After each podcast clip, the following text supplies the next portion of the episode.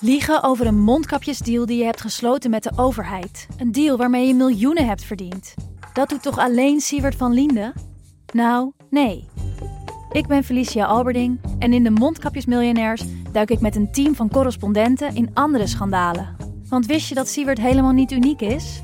Luister de Mondkapjesmiljonairs in je Podimo-app. Of ga naar podimo.nl slash mondkapjes. En probeer Podimo 30 dagen. podimo.nl slash mondkapjes. Deze podcast is 100% expertisevrij en alleen geschikt voor amusementsdoeleinden. De inhoud mag dus niet worden beschouwd als financieel advies. Dit is Jong Beleggen, de podcast. Ik ben Milou. En ik ben Mees. Ja, Mees Bovenlander, bekend van eerdere afleveringen. En hij vervangt vandaag vakantievierende Pim. Waar gaan we het over hebben, Mees? We gaan het hebben over de psychologie van de belegger. En je gaat ons leren profiteren van andermans fouten. Zeker, we hebben het over het attention effect en over overreaction. En we moeten het natuurlijk even hebben over ene Michael Burry. Ja, wie was dat ook alweer? En Ja. eh, dat hij met de vorige crash te maken. Eh, Spannend. We gaan beginnen.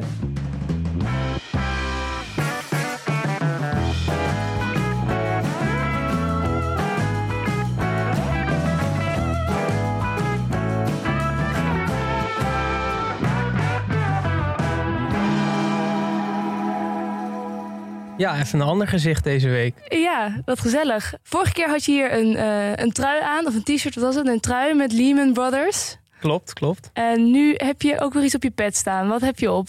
Ja, goed dat jij dat ziet. Ik heb dit keer Stratton Oakmont. Dat is van eh, de Wolf of Wall Street. Dus ik heb weer een Ah. bijpassende kledingstuk aangetrokken. Ja, maar eh, wat is Stratton ook alweer? Want ik heb Wolf of Wall Street al gezien, maar ik weet het niet meer. Dat is het bedrijf waar Leonardo DiCaprio de eigenaar van is. Of de, ja, in de film dan. in de film. Ja, ja precies. Oké, nou misschien moet ik die weer een keer zien. We gaan het straks trouwens ook nog hebben over een andere eh, grote film. Klopt. The Big Short. Ja, want daar is weer, eh, daar is weer wat eh, actueels mee aan de gang. Ja, ja, en dan in het bijzonder met die Michael Burry. Nou goed, maar dat doen we dus straks pas in het, in het nieuws. Want we hebben eerst iets anders voorbereid. Althans, jij hebt het voorbereid.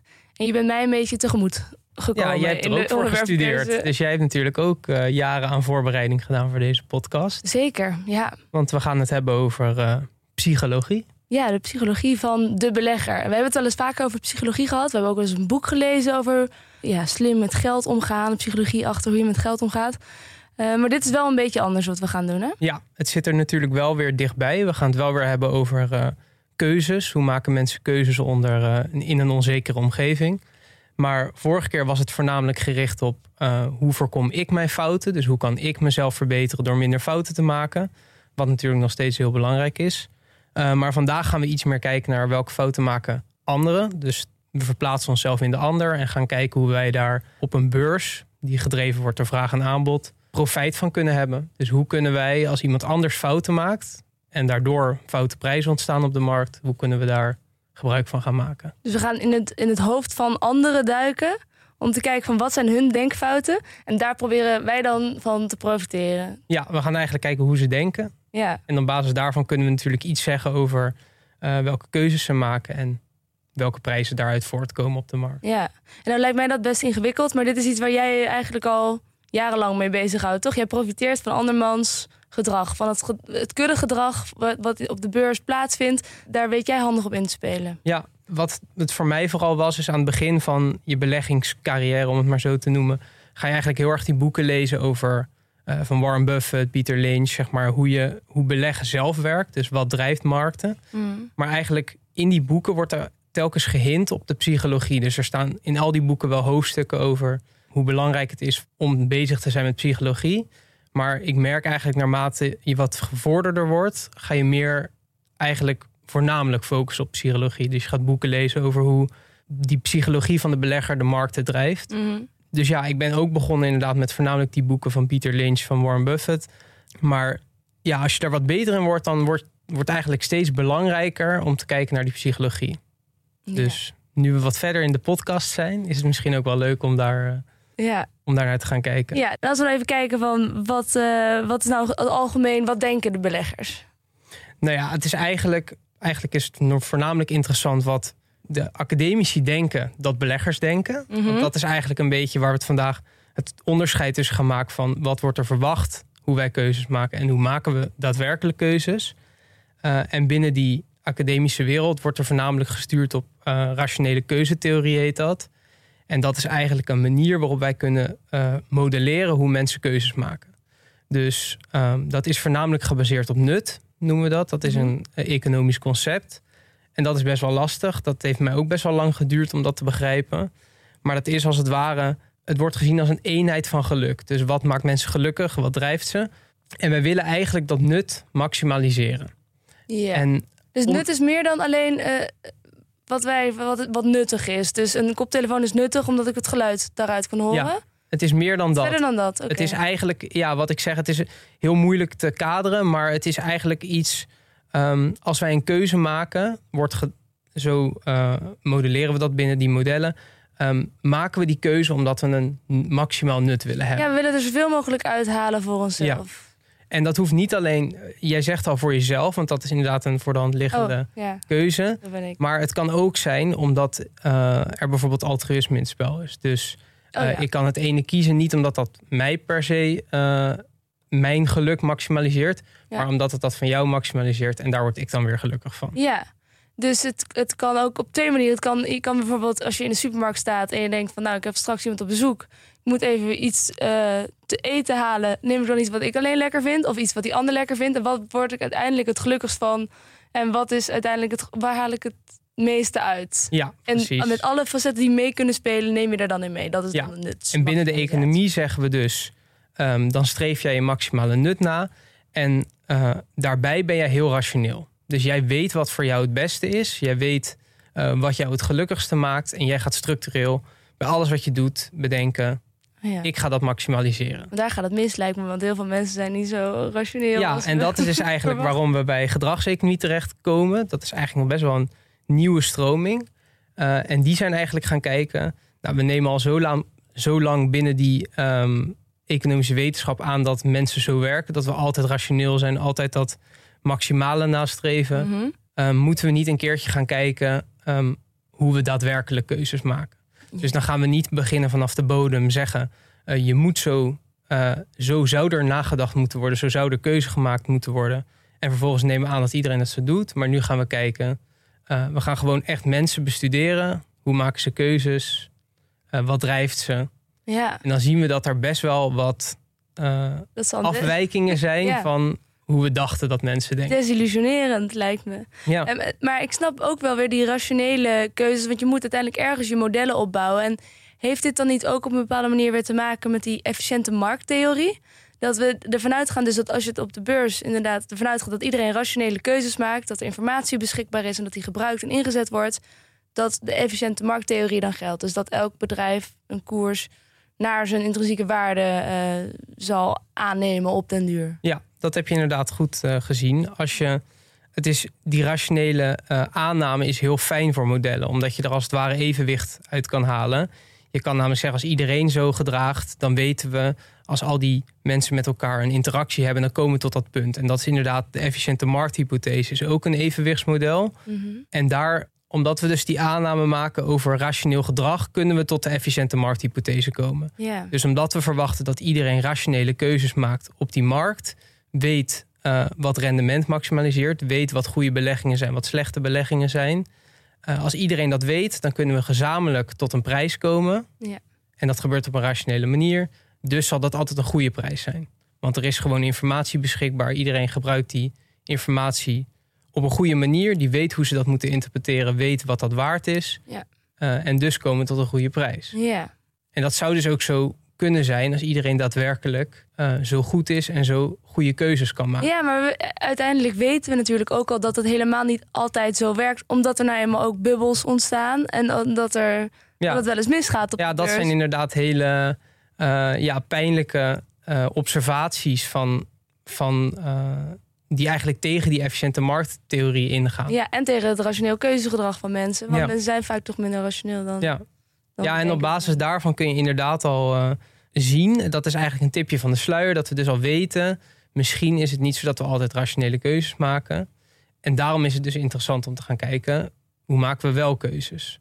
Want als de markt dus niet altijd efficiënt is, dat is eigenlijk de gevolgtrekking.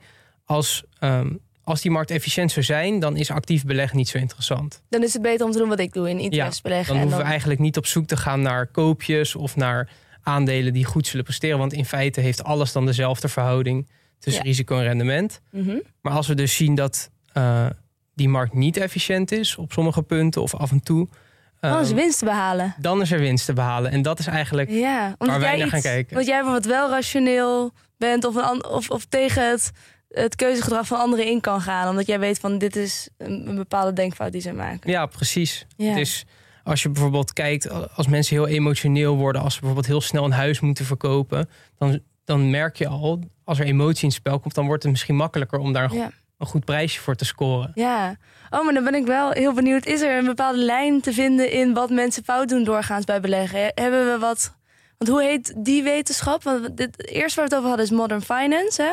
Ja, dat is eigenlijk markttheorie, rationeel keuzegedrag. Precies. En hoe heet het andere gedeelte wat, wat echt gaat bestuderen welke keuzes mensen daadwerkelijk maken? Eh, nou, dat is gedragseconomie, dus kijken we Ja. puur naar gedrag. Maar je hebt dan weer daar een afsplitsing van, dat is behavioral finance. Oh ja. En dat vertaalt niet zo lekker naar het Nederlands, dus ik hou die term even aan. Ja. Gedragseconomische finance, iets in die richting. Oh ja. Ja, het is nog steeds niet helemaal Nederlands. Nee. ja. Maar in ieder geval, dat richt zich dus op eh, de financiële markt. Ja. Want gedragseconomie is ook heel interessant. Dat, dat gaat dan meer op dagelijks leven en eigenlijk alle facetten van de economie. En die finance versie gaat dan voornamelijk naar de markt kijken, financiële markten. ja. En dat is dus waar wij in geïnteresseerd zijn, want ja, Ja, het is een beleggingspodcast. precies. Zeker. Oké, nou, en wat weten we daarvan? Wat hebben zij onderzocht? Wat, wat zijn de resultaten? Nou, we weten eigenlijk heel veel. Er zijn heel veel studies geweest. Ehm, vroeger ging dat echt eh, dat mensen trade for trade gingen kijken wat drijft mensen. Dus er zijn hele bekende studies van Odin die dan tienduizenden verschillende trades gaan bekijken en dan ook aan die belegger zelf feedback vragen. Wat heeft jou gedreven tot deze keuze? En daar, door dat soort studies weten we eigenlijk heel veel.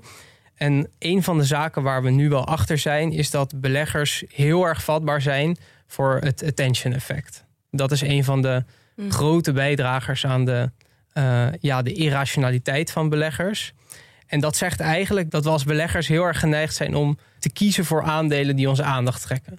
En dat kan eigenlijk op verschillende manieren. Ja. En een van die onderzoeken bekijkt bijvoorbeeld wat de hoeveelheid eh, media-aandacht doet voor de eh, hoeveelheid dat het aandeel wordt gekocht. En dat Ja, heeft dus ja. een positieve Of verkocht ook. Of... eh, het, is, het is voornamelijk gekocht, want individuele beleggers die shorten over het algemeen weinig. Dus Ah, dat effect is niet significant aan de sell side, maar wel de buy side. Oké. Dat is weer even wat technisch, maar in ieder geval, ehm, er zit dus een positief effect bij. Dus als iets veel in de media komt, dan zijn we ook geneigd om het veel te kopen. Oké, dus als het veel in de media is, dan zijn, we eer- dan zijn we geneigd als mensen, omdat het veel aandacht krijgt, zit veel in ons hoofd, om het eerder te kopen. Is op zich ook logisch. Ja, het is in principe logisch, maar het is niet rationeel. Want Nee. volgens die rationele keuzetheorie zouden we eigenlijk als beleggers. Nou, we hebben enorm veel keuzes om uit te kiezen. En dan moeten we eigenlijk zo'n lijstje afgaan van al die aandelen. En dan wat ons het meeste zou passen op basis van die risicoverhouding, rendementsverhouding. Ehm, maar dat doen we dus niet. Nee. We kiezen gewoon wat we kennen eigenlijk. Ja. En dat vertaalt zich ook op andere manieren. Bijvoorbeeld dat we heel erg geneigd zijn om te kopen wat we. Dat we bedrijven kopen die karakteristieken hebben die wij heel erg waarderen. Dus bijvoorbeeld Hmm. eh, dat het heel erg winstgevend is of heel erg groeit. ja. Ehm, en dat klinkt allemaal heel logisch. Je wil iets hebben Ja. dat groeit. Maar in principe is dat niet logisch. Want een bedrijf wordt gewoon gewaardeerd op basis van de cashflows. En of een bedrijf groeit, zegt alleen dat die cashflows gaan groeien in de toekomst. En dus dat we iets meer willen betalen voor dat bedrijf. Maar als we twee bedrijven hebben, waarvan één met een groeiende cashflow en één met een dalende cashflow, is voor allebei die bedrijven een goede prijs te betalen. ja. Er bestaat een prijs voor alle twee die bedrijven waarbij we hetzelfde rendement betalen. Ja. Dus in feite hoeft het niet voor ons te betekenen dat een groeiend bedrijf ook een goede investering gaat zijn. Maar op zich klinkt dit wel toch als een rationele keuze. Nou, het, het klinkt vooral als een logische keuze, een menselijke keuze. Ja, dus logisch is wel echt iets anders dan rationeel. Ja, want bij rationeel zijn we dus echt op zoek naar die verhouding tussen risico en rendement. En of de winst van een bedrijf groeit, hoeft niet per se te zeggen dat wij een goed rendement gaan behalen. Ja. Dus het is heel belangrijk om die zaken los van elkaar te zien. Je Ja. hebt goede bedrijven en je hebt goede beleggingen. Eh, en dat is niet hetzelfde. Nee. En wat we zien is dus dat doordat Dat is voor heel veel mensen nog heel moeilijk, denk ik. Ja, dat is extreem lastig om in te zien. En dat is ook precies waarom dit effect zo erg naar voren komt, dat attention effect. Het komt op heel veel verschillende manieren voor. Ik zei al, die media-aandacht. Uh, maar dus inderdaad, die karakteristieken zijn ook. Uh, we willen niet dat bedrijven veel schuld hebben. We willen niet dat bedrijven uh, een slecht toekomstbeeld hebben. Dat wordt er ook heel erg ingeprent in die boeken van Mhm. die beleggingsboeken die ik al zei. Ja, En op die manier hebben we eigenlijk een heel eendimensionaal beeld gecreëerd van waar willen we in beleggen. En daardoor blijft er eigenlijk maar een heel klein groepje over wat aan die eisen kan voldoen. ja, En daarom zien we eigenlijk dat we als eh, beleggers heel erg geneigd zijn om van die 20.000 aandelen waar we misschien wel de keuze uit hebben, ons maar enkel te richten op die 200 bedrijven die er voldoen aan ons beeld van wat een goede belegging is. En wat het gevolg daarvan is, dat is heel belangrijk, is dat dus van die 200 aandelen ja. zal er bovengemiddeld veel vraag naar zijn. Ja. En als er ergens bovengemiddeld veel vraag naar Dan is, is wel koers hoog. ja, dan Ja. is de koers hoog ten opzichte van de hoeveelheid eh, winst of de hoeveelheid cashflow die er tegenover staat. Ja, en dat is waarschijnlijk een iets minder goede belegging. Precies. En dat is dus het, eh, waarom dit zo belangrijk is om te begrijpen. Als jij dus ook volgens die patronen aandelen selecteert, bedrijven waar je vaak over, over hoort in het nieuws, bedrijven die eigenlijk volgens alle perspectieven van beleggen er prachtig uitzien, dan ga jij waarschijnlijk niet op lange termijn eh, jouw rendement maximaliseren. Mhm. En om dat even samen te vatten, binnen de eh, academische wereld noemen we dit glamour stocks. Dus ja, echt zeg maar de, de, glim- Hollywood de van de glimmende plaatjes, zeg maar. Aandelen, ja. Dat die over het algemeen gewoon echt minder presteren. Ja, En dat is natuurlijk, om weer even een link te maken naar voorgaande afleveringen. Dat is natuurlijk value investing Ja. 101, wat we nu bespreken. Van koop hetgeen waar de rest niet in geïnteresseerd is. ja. En dit is eigenlijk het gedragseconomische bewijs daarvoor. En ook ja, een goede onderbouwing van waarom zo'n strategie nou zou werken. Ben jij eigenlijk begonnen met beleggen toen je dit al wist? Of ben jij al doende, ben je hier achter gekomen? Ik denk dat het er een beetje stapsgewijs is ingekomen. Dat het eigenlijk steeds radicaler, dat ik het steeds radicaler ben gaan toepassen, om het zo Ja. te zeggen. Want aan het begin ben je gewoon op zoek naar bedrijven die goed gewaardeerd zijn. Want dat is wat makkelijker dan dat psychologische aspect eh, Mhm. hanteren. Maar gaandeweg uh, merk je wel dat uh, je dan toch altijd terechtkomt bij bedrijven die niet zo lekker in het nieuws liggen. Of niet zo lekker in de markt liggen, om eigenlijk beter te zeggen. Mhm. En dat, Maar heb jij wel ook wel eens van die glamour stocks? Wat zijn bijvoorbeeld die glamour stocks? Nou ja, een echte Apple? glamourstok. Ja, dat is maar die is dan. Ik denk dat je bij een echte glamourstok nog echt moet denken aan een bedrijf wat nog meer kan groeien. Bijvoorbeeld een Shopify vorig jaar. Ja, Ik denk dat dat echt een, een bedrijf was werd door iedereen. ja, Het, zijn, het is voornamelijk zijn het bedrijven waarvan je kan, waar iedereen van kan bedenken. ehm, dit bedrijf gaat hoe dan ook belangrijk zijn in de toekomst. Ja. En ik kan me eigenlijk niet voorstellen hoe belangrijk het gaat zijn. Ook een Tesla bijvoorbeeld is ook een goed voorbeeld. We weten Ja. allemaal prachtige auto's, prachtig bedrijf. Je hebt Elon Musk, nou dat is ongeveer de media-aandacht zelf. Mhm. Als je dat allemaal bij elkaar optelt, dat is gewoon glamour, zeg maar. ja. Eh, Just die takeaway? ja, nee, met Jits Groen is dat misschien niet En helemaal niet meer, maar er was een tijd dat hij wel ook een beetje Ja. de golden boy was. Ja, precies. Dus inderdaad, maar ja, we zien waar dat toe heeft geleid uiteindelijk. Dat kan ook heel makkelijk weer omdraaien. Ja. En dat hebben we ook gezien bij Shopify bijvoorbeeld. Er hoeft maar eventjes wat aan dat perfecte plaatje te, eh, te ontbreken. En we zien gelijk dat mensen ook massaal uitstappen. Wat is een glamour stok van vandaag die jij ontwijkt? Vermijd. Ja, dan zou ik toch wel zo'n Tesla. Elke gek kan bedenken dat dat gewoon een belangrijk bedrijf is. Ja. Wat belangrijk gaat zijn in de toekomst. Daar hoef je geen eens een belegger voor te zijn. Nee. Ja. Want daar moet je dus, dat is eigenlijk wat je eruit, de lering die je hieruit kan trekken, is dat je heel erg bezig moet zijn. Eh, als jij een aandeel koopt, verwacht je eigenlijk dat jij iets weet wat anderen niet weten. Want als iedereen hetzelfde weet als jij, dan zal het aandeel waarschijnlijk goed geprijsd zijn en hebben we waarschijnlijk een efficiënte marktprijs. Maar bij Tesla, wat weet ik nou meer van Ja.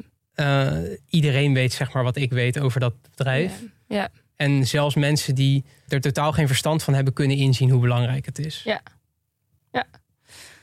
Dat is, dat is zo, denk ik. Oké, dan hebben we dus de, dat is de attention eh, Ja. ah, bias. Is het een bias? Attention effect, ja, het, Attention het effect. is een bias, want ja, inderdaad, het Ja. is een denkfout. Ehm, en wat, wat hebben we nog meer? Nou, het is eigen- eigenlijk nog eentje die er heel erg dicht in de buurt ligt. En dat is eigenlijk dat er heel vaak sprake is van overreaction.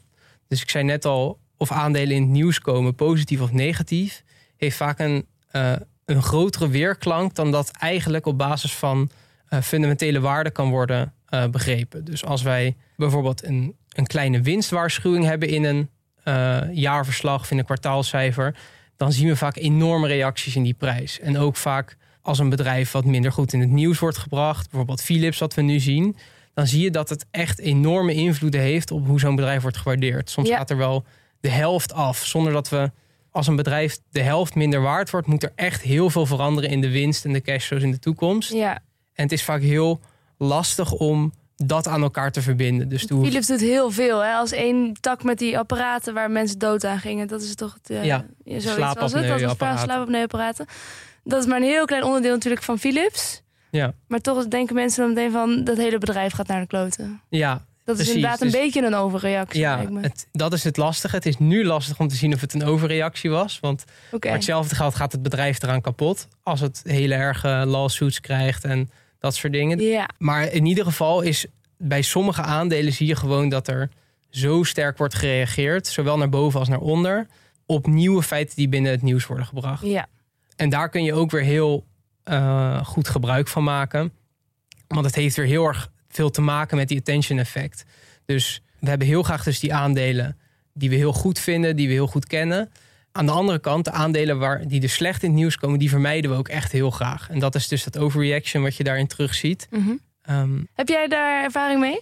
ja, ik heb bijvoorbeeld het eh, aandeel Foodlocker. Dat zul je vast wel kennen van ja, de, de schoenen? de schoenenwinkels. En Foodlocker heeft een paar maanden geleden bij het presenteren van de kwartaalcijfers... hebben zij een, eh, een, een waarschuwing ingebouwd dat zij eigenlijk hun exposure naar Nike willen verlagen. In het verleden was Nike soms al 80% van de schoenenomzet in de winkels. Dus dat, dan weet je al, dat is gewoon best wel gevaarlijk. Want als Nike op een gegeven moment zegt... nou Foodlocker, eh, ik zie dat wij 80% van jullie omzet zijn... doe maar 5% extra prijs, zoiets. Ja. Dan kunnen ze gewoon, dan hebben ze heel veel macht op Foodlocker. Oh ja, oké. Dus Foodlocker heeft toen gezegd, nou, we willen eigenlijk in de komende jaren willen we die exposure wat gaan afbouwen. Ja. En Nike heeft tegelijkertijd gezegd, wij willen zelf meer in de schoenenwinkels gaan kopen, dus we gaan andere schoenenwinkels minder van onze producten leveren, minder exclusieve, we gaan het wat minder aantrekkelijk maken. Nou, Foodlocker wat toen al relatief goed gewaardeerd was in mijn ogen, ook omdat er heel erg al dat be- beeld heerste van schoenenwinkels, hoe lang gaat dat nou nog bestaan? Ja, ja, dus goed gewaardeerd bedoel je niet hoog gewaardeerd, maar goed ja, eh, laag gewaardeerd. interessant dus. gewaardeerd. Interessant gewaardeerd. Ja. Eh, en toen kwam dus nog eens die winstwaarschuwing eroverheen. En dat met Nike. En toen zagen we dat er echt 50% van de koers afging binnen no time. Ja. Dus ja. het aandeel stond op een gegeven moment... eh, het hele bedrijf was 2,5 miljard waard. Terwijl er in het jaar daarvoor een miljard aan cashflow was Ja, gegenereerd. het Dus stond zelf zeg maar een beetje in de sale. ja, Ja, inderdaad, in de uitverkoop. Ehm, en dat is gewoon heel laag. Dus dan weet je eigenlijk tegen zo'n... eh, als een bedrijf tegen zo'n prijs wordt verhandeld... moet er echt heel veel fout gaan... tot op het moment dat het weer zeg maar hoog gewaardeerd is. Dan, Ja. dan mag er echt heel veel van de cashflow af. Nou, ik heb toen gedacht... dit is gewoon een overreactie. Ook omdat ik dus deze literatuur ken. Dat helpt dan heel erg.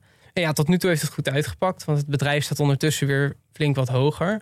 Maar ja, dat, dat is dus wel hoe je zoiets in de praktijk kan toepassen. Gewoon heel ja. eh, nuchter er tegenover staan. Oké, ik zie nu dat het bedrijf is gehalveerd in waarde. Maar hoeveel denk ik dat er van de fundamentele waarde af is gegaan?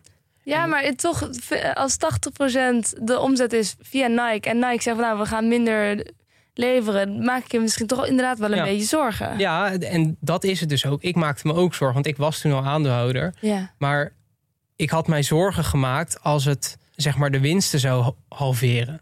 En dat is in mijn ogen niet het geval.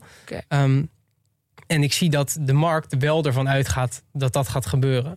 Ja. Dus er- je moet heel goed bewust zijn van wat prijst de markt in en hoeveel kan het bedrijf verliezen op basis van wat het nu doet. Ja. Dus ja, dat is heel, zeg maar, het gaat waarschijnlijk gewoon de verkeerde kant op de komende tijd, Ja. maar minder de verkeerde kant op dan de markt denkt dat het de verkeerde kant op Ja. gaat. En daar zit dus je, je winst. Dat is de overreactie.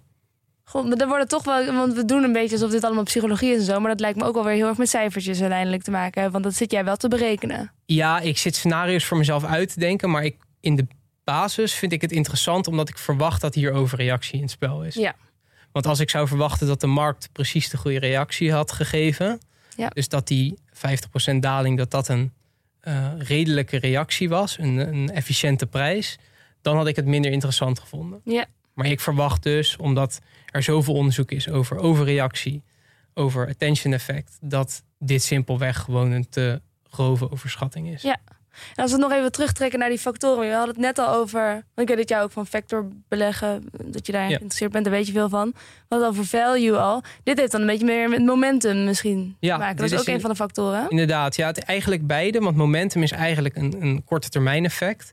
Maar dat is inderdaad, eh, klopt wat je zegt. We zien vaak dat bedrijven die op korte termijn goed hebben gepresteerd, dus in het voorgaande jaar bijvoorbeeld, eh, doorgaans ook goed presteren in het volgende jaar. Dus het aandeel ervan, niet per se het bedrijf, maar het aandeel. En dat heeft dus inderdaad ook weer te maken met zowel die overreactie als attention effect. We kopen graag bedrijven die goed hebben gepresteerd. En daar gaat nog eens een overreactie overheen. Dus als we zien, Shopify heeft vorig jaar eh 40% koerswinst bereikt, dan zijn wij geneigd, gemiddeld gezien, om in dat soort bedrijven te stappen. Ja, en daardoor dus wordt het weer... weer, Ja, dan volgt er natuurlijk weer koersstijging op. ja dus dit, dit gaat over eh, in het verleden behaalde resultaten. Ja, waar we ons, precies. en dat is ook niet rationeel. Nee, want in principe of een aandeel goed heeft gepresteerd, hoeft niks te zeggen over de fundamentele waarde.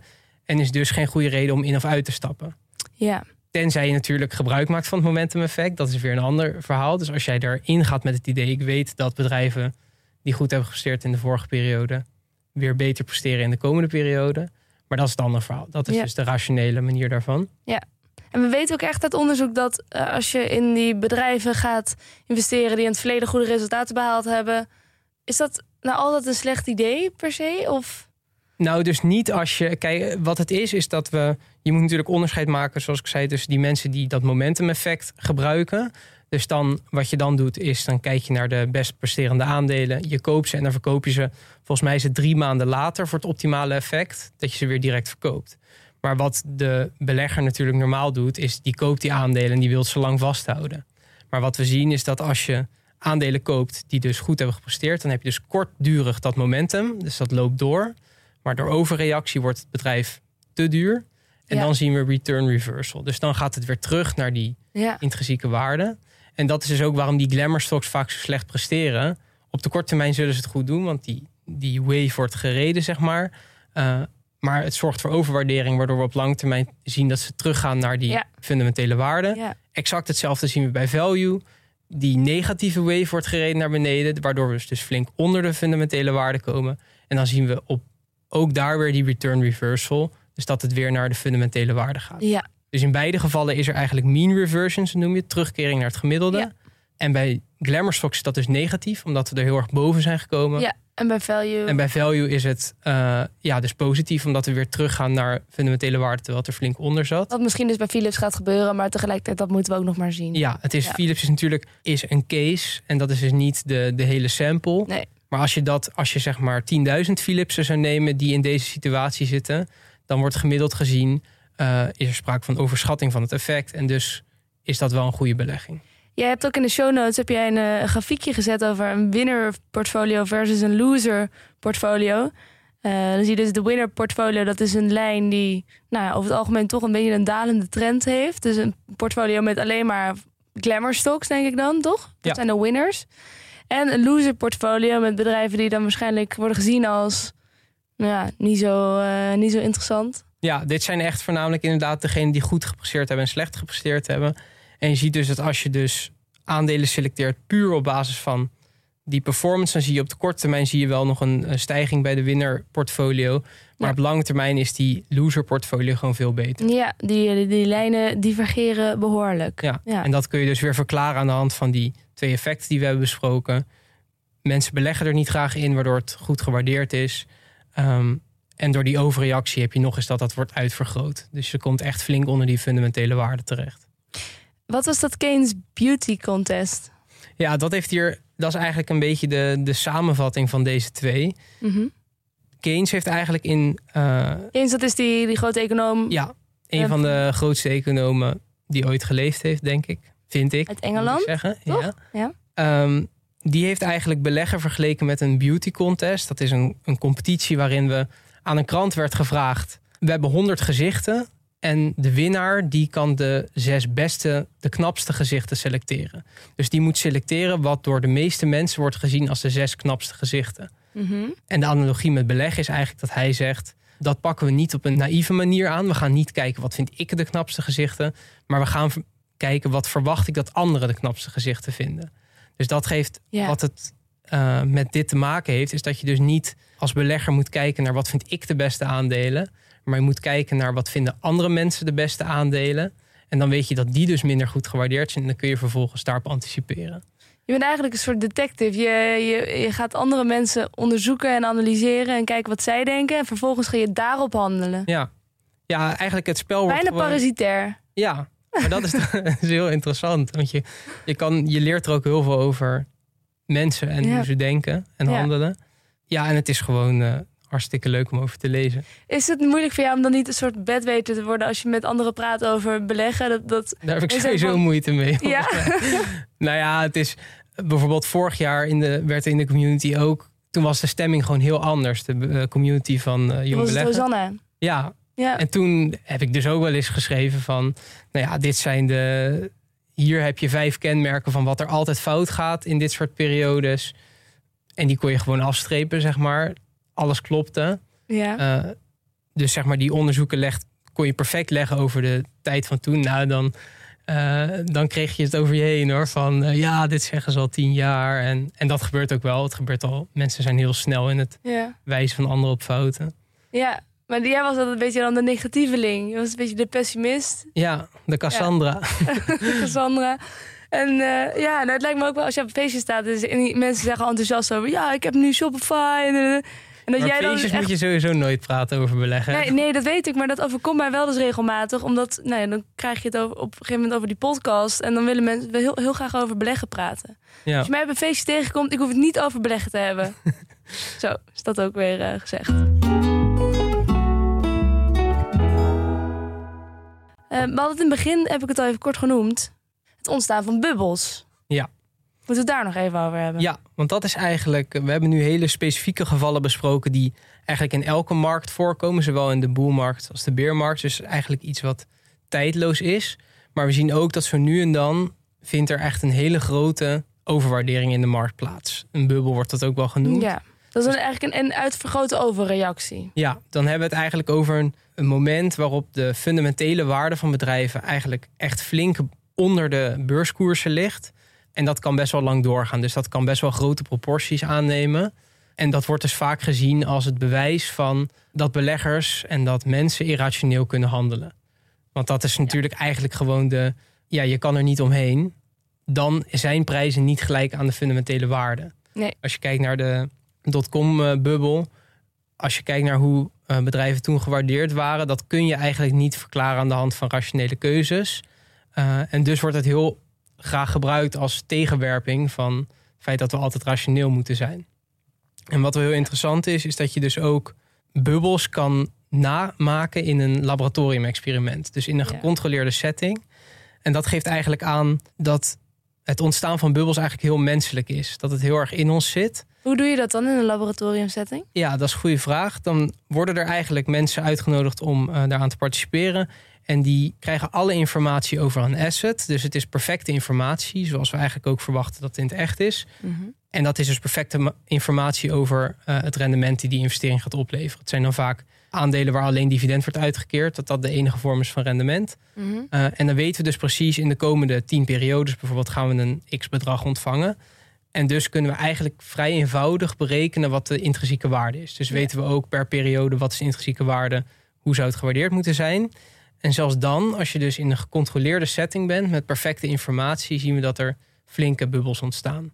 Je zou in ieder geval verwachten als we het zo perfect simuleren, als we zo Dat we veel zoveel informatie, weten over dit gaat het opbrengen. dan zouden er geen bubbels moeten ontstaan volgens die theorie. Ja, ja. Want we zijn allemaal rationeel, Ja. maar we zien iets anders gebeuren. De voornaamste verklaring die daarvoor wordt gegeven is dat we. ehm, Wat, wat zagen we dan gebeuren?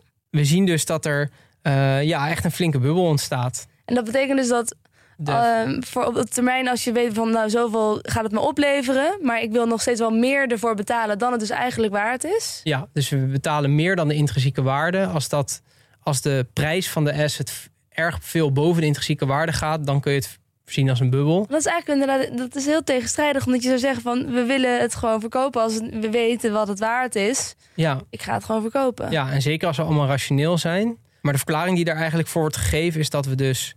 We hebben natuurlijk onze eigen rationaliteit. Dus wij kunnen bedenken, dit is een asset waard. Maar we kunnen ook, uh, net als met die Kings Beauty Contest... aannames doen over de rationaliteit van anderen. Dus wat er in deze experimenten vaak werd gezegd door de mensen die hebben gekocht voor een prijs die, waarvan zij wisten dat die boven de intrinsieke waarde lag, want die was heel makkelijk te berekenen. Dan zeiden ze: Ja, ik ben wel rationeel en ik weet wel wat het waard is. Maar de persoon die naast mij zit, dat is zo'n domhoor, die gaat vast meer betalen. Oh ja. Dus eigenlijk doen we aannames over rationaliteit van anderen en dus voornamelijk de irrationaliteit. En ook over rationaliteit van onszelf en daarmee ook over onszelf. Want we schatten onszelf dus blijkbaar consequent ja. intelligenter in dan ja, onze medemensen. Ja, en dat zien we natuurlijk nu ook uh, in de afgelopen weken zijn de meme stocks ook weer helemaal uh, opgeleefd. Oh ja. En dat is natuurlijk eigenlijk ook dit. We weten bij zo'n GameStop weten die mensen die daarin beleggen weten echt wel dat dat bedrijf niet waard is waar het voor wordt verhandeld. Maar ze denken er is nog wel iemand. ja. maar wie weet, wie weet. er is altijd een greater fool. Dat is die greater fool theory. Dus dat we. Uh, ik kan dan misschien dom zijn, maar er is altijd iemand dommer dan ik. Ja. Die wil vast wel voor meer kopen. Tot op zekere hoogte zal er natuurlijk ook wat in zitten. Maar dat, raakt ook wel een beetje aan het idee dat we allemaal denken dat we uh, bovengemiddeld intelligent zijn. Ja. Wat in ons geval ook zo is, denk ik. Maar... Nou, jouw geval misschien. nee, grapje. Um, maar, dat, en, maar niet iedereen kan natuurlijk bovengemiddeld interessant zijn, want er is een gemiddelde. Nee, ja, dat zit er inderdaad ook in deze experimenten van waarom wordt er überhaupt zoveel gehandeld? Want we weten, uh, handelen geeft hele duidelijke signalen. Als ik iets wil verkopen, dan vind ik het waarschijnlijk niet meer goed gewaardeerd. Dus als ik iets aan jou probeer te verkopen, dan zou jij waarschijnlijk denken: Nou, hij weet iets wat ik niet weet. Ja. Dus moet ik misschien terughoudend zijn met verkopen. Maar we zien eigenlijk dat er extreem veel wordt gehandeld op beurzen en ook in laboratorium-experimenten. Uh, en dat wordt dus inderdaad ook verklaard aan de hand van overschatting, zelfoverschatting. Ja. Want het is dus niet echt rationeel om veel te handelen. Want in principe weten we hebben dezelfde informatie. Dus als jij iets wil verkopen, dan zal ik het niet willen kopen. Maar als we daaraan toevoegen dat ik verwacht dat ik slimmer ben dan jij, dan gaat dat weer heel makkelijk. Want dan wil ik iets van jou kopen, want ik denk dat ik slimmer ben dan Milou, dus ik weet meer. Dus dan kan ik er een betere prijs voor krijgen. Ja. Dus dat is eigenlijk nodig. Overconfidence komt heel veel terug op markten. En is eigenlijk voor heel veel van de ja, bekende biases en en de manieren waarop wij keuzes maken, is dat gewoon fundamenteel bepalend. En daarom zijn vrouwen ook veel betere beleggers over het algemeen. Omdat die minder overconfidence hebben over het algemeen. Is dat het? Ja, en het wordt ook, dat, volgens mij is dat bij Robeco hebben ze dat onderzocht, dat er uh, dat overconfidence weer kan worden gelinkt aan testosteron.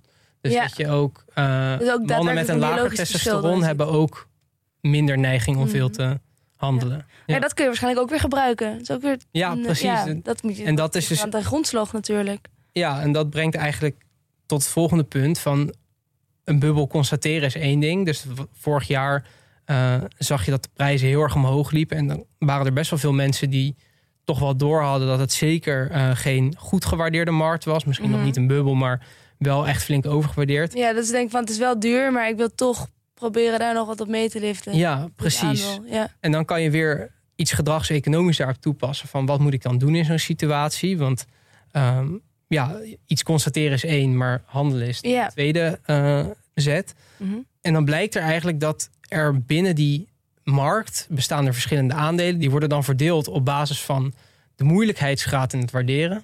Dus dan zien we dat bijvoorbeeld bedrijven zoals Just Eat en Shopify nog heel erg groeiers. Die zijn heel lastig om te waarderen.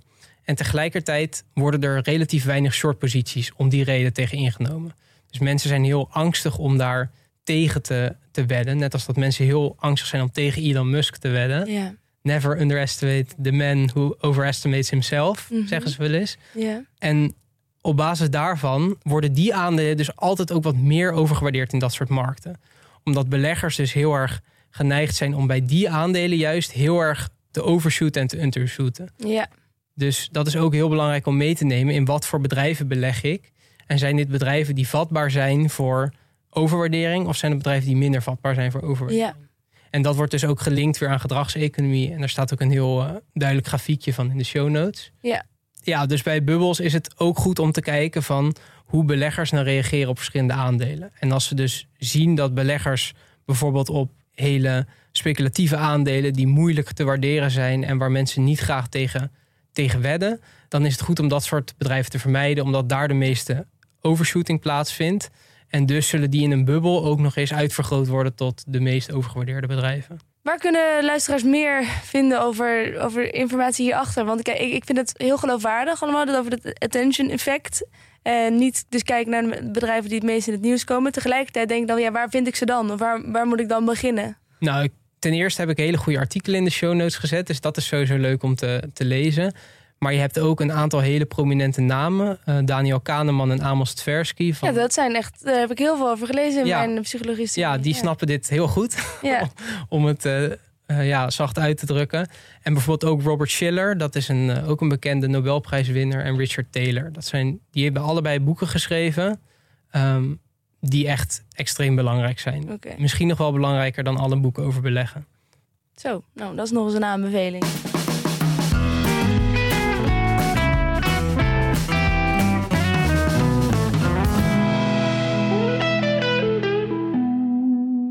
Ja, dan dat nieuws van deze week. Ja, heel belangrijk nieuws. Die gekke Michael Burry. Ja, hij is weer eh, heel druk bezig geweest, om het maar uh, zachtjes uit te drukken. Ja, want eventjes even voor mensen die hem niet kennen. Dit is dus de man uh, waarop die hele film The Big Short ja. gebaseerd is. En eigenlijk ook de man, misschien is dat nog belangrijk om aan te geven, die die hele crisis in 2008. 2007. 2007. Die ga ik ook twijfelen. Die de hele huizencrisis in Amerika in gang heeft gezet. Met de val van de Lehman Brothers. Dat klinkt een beetje alsof hij het heeft gedaan. Nee, uh, niet dat hij, hij heeft het niet gedaan. Maar hij, hij dacht wel van, hé, hey, hier klopt iets niet. Hij heeft het gebruikt. Ja, hij heeft het uh, zien aankomen. Hij was wel een beetje vroeg.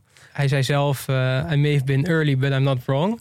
En hij heeft inderdaad een enorme grote positie toen tegen de huizenmarkt genomen. Ja. En dat heeft hem gewoon heel rijk gemaakt. Ja. Maar hij is nu weer bezig. Hij is al weken aan het tweeten over de huidige markt. We zien namelijk dat we in de afgelopen week zijn we weer afgelopen weken zijn we weer uh, tientallen procent omhoog gegaan.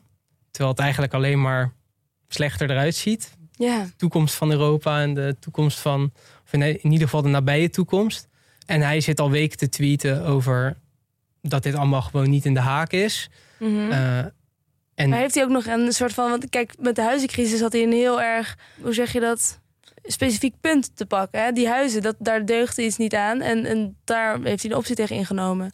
Maar nu zegt hij over, over de hele markt, het klopt niet? Of heeft hij weer iets specifieks? Nee, hij zegt eigenlijk ja, voornamelijk zijn waar hij het meest bang voor is, is de credit uh, hoeveelheid. Dus hoeveel kredieten de, de, vooral de consumenten aan het gebruiken zijn. Mm -hmm. Er is natuurlijk heel veel inflatie op het moment.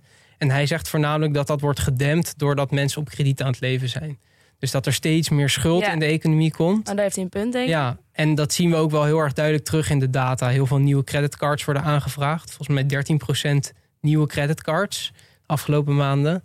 En ja, hij heeft dus daad bij het woord gevoegd en hij heeft bijna al zijn posities gesloten. 95%. En heeft hij ook nog ergens weer opties tegen ingenomen, of dat niet? Niet dat nu nog bekend is, maar hij heeft wel één eh, aandeel aangehouden. En dat is een private uitbater van eh, gevangenissen. Dus het lijkt een beetje alsof hij een doomsday eh, prediction aan het doen is. En iedereen gaat straks de bak in. Ja, nou ja, het, het is gewoon een hele, ja, een hele bijzondere man, denk ik. Ja. En maar wel iemand om toch serieus te nemen. Ja. Niet dat je nu moet doen eh, alles verkopen. Nee. Maar als we, ja, wat, hoe het in de Big Short wordt uitgelegd, dat hij gewoon als een van de weinigen al die stukken ging doorlezen, tienduizenden pagina's aan droge materie. Hij doet wel zijn research. zeg maar. Ja, en hij durft tegen, hij kan onafhankelijk denken. Hij kan tegen de Ja. meute indenken. En hij ziet dingen dan als eerste.